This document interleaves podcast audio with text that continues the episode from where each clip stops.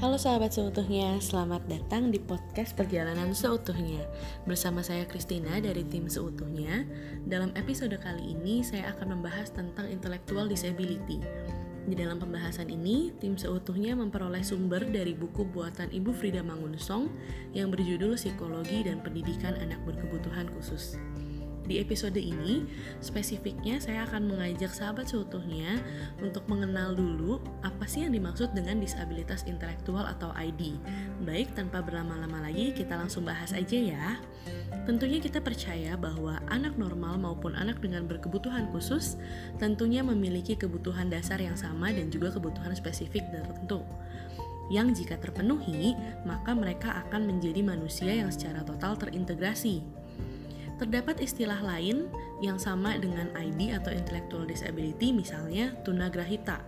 Tunagrahita ini berasal dari dua kata yaitu tuna dan juga grahita. Tuna berarti merugi, sementara grahita artinya pikiran. Atau ada juga yang menyebutnya dengan retardasi mental atau mental retardation. Nah, American Association of Mental Retardation menekankan dua poin penting pada mental retardasi, yaitu adanya keterbelakangan mental pada fungsi intelektual dan juga pada fungsi tingkah laku adaptif. Fungsi intelektual ini biasanya ditentukan melalui tes intelijensi yang merujuk kepada kinerja secara akademis.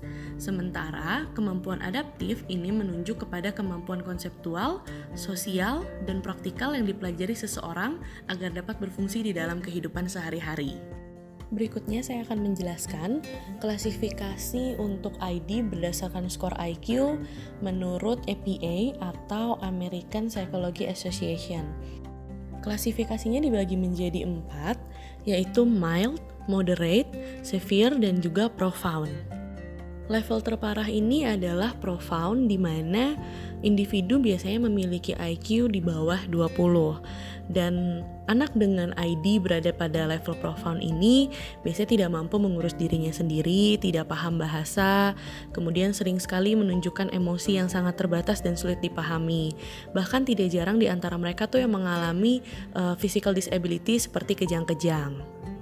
Yang berikutnya adalah level severe atau individu dengan penyandang ID ini berada pada skor IQ 20 sampai 34. Dan biasanya ya, individu dengan ID di level severe ini itu memiliki keterbatasan pada tahun-tahun pertama dan juga kesulitan untuk menyebutkan kata-kata dan memiliki kosakata yang terbatas. Berikutnya adalah level moderate.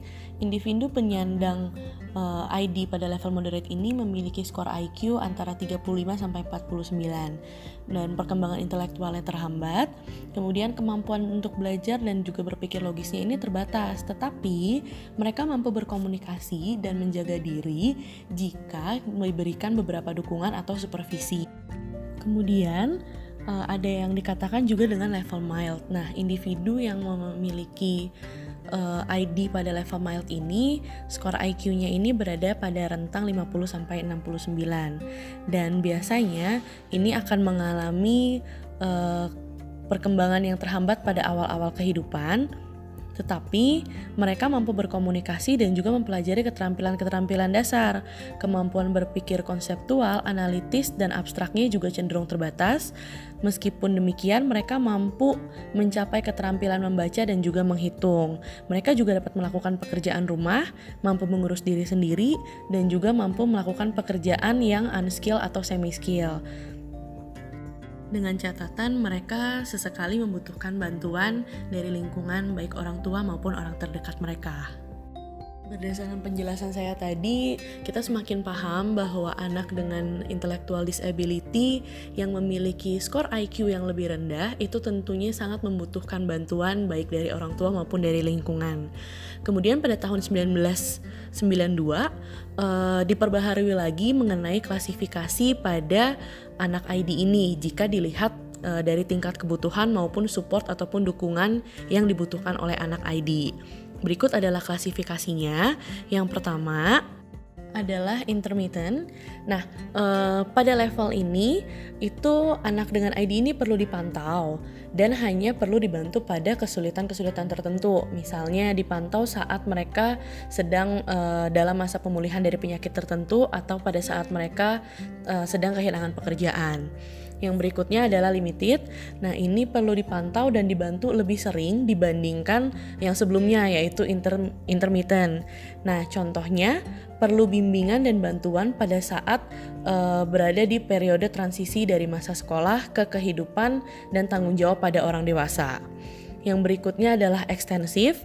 Nah, ini membutuhkan bantuan dalam aktivitas sehari-hari pada beberapa lingkungan dan bantuannya biasanya bersifatnya jangka panjang. Contohnya bantuan rutin pada aturan-aturan tertentu untuk hidup di dalam suatu lingkungan. Yang terakhir, ini adalah profesif. Ini membutuhkan bantuan yang sangat konsisten dan dalam intensitas tinggi. Jadi, dalam 24 jam ini harus dipantau uh, bagaimana aktivitas uh, anak atau individu dengan ID ini.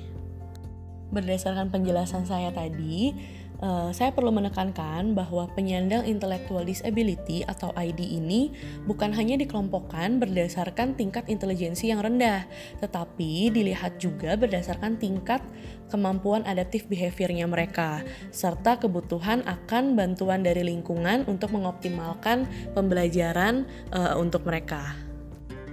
Baik, sekian dulu pembahasan untuk episode kali ini. Kita akan lanjutkan pembahasan mengenai intellectual disability di episode selanjutnya. Perjalanan seutuhnya, know, learn, and apply better. See you.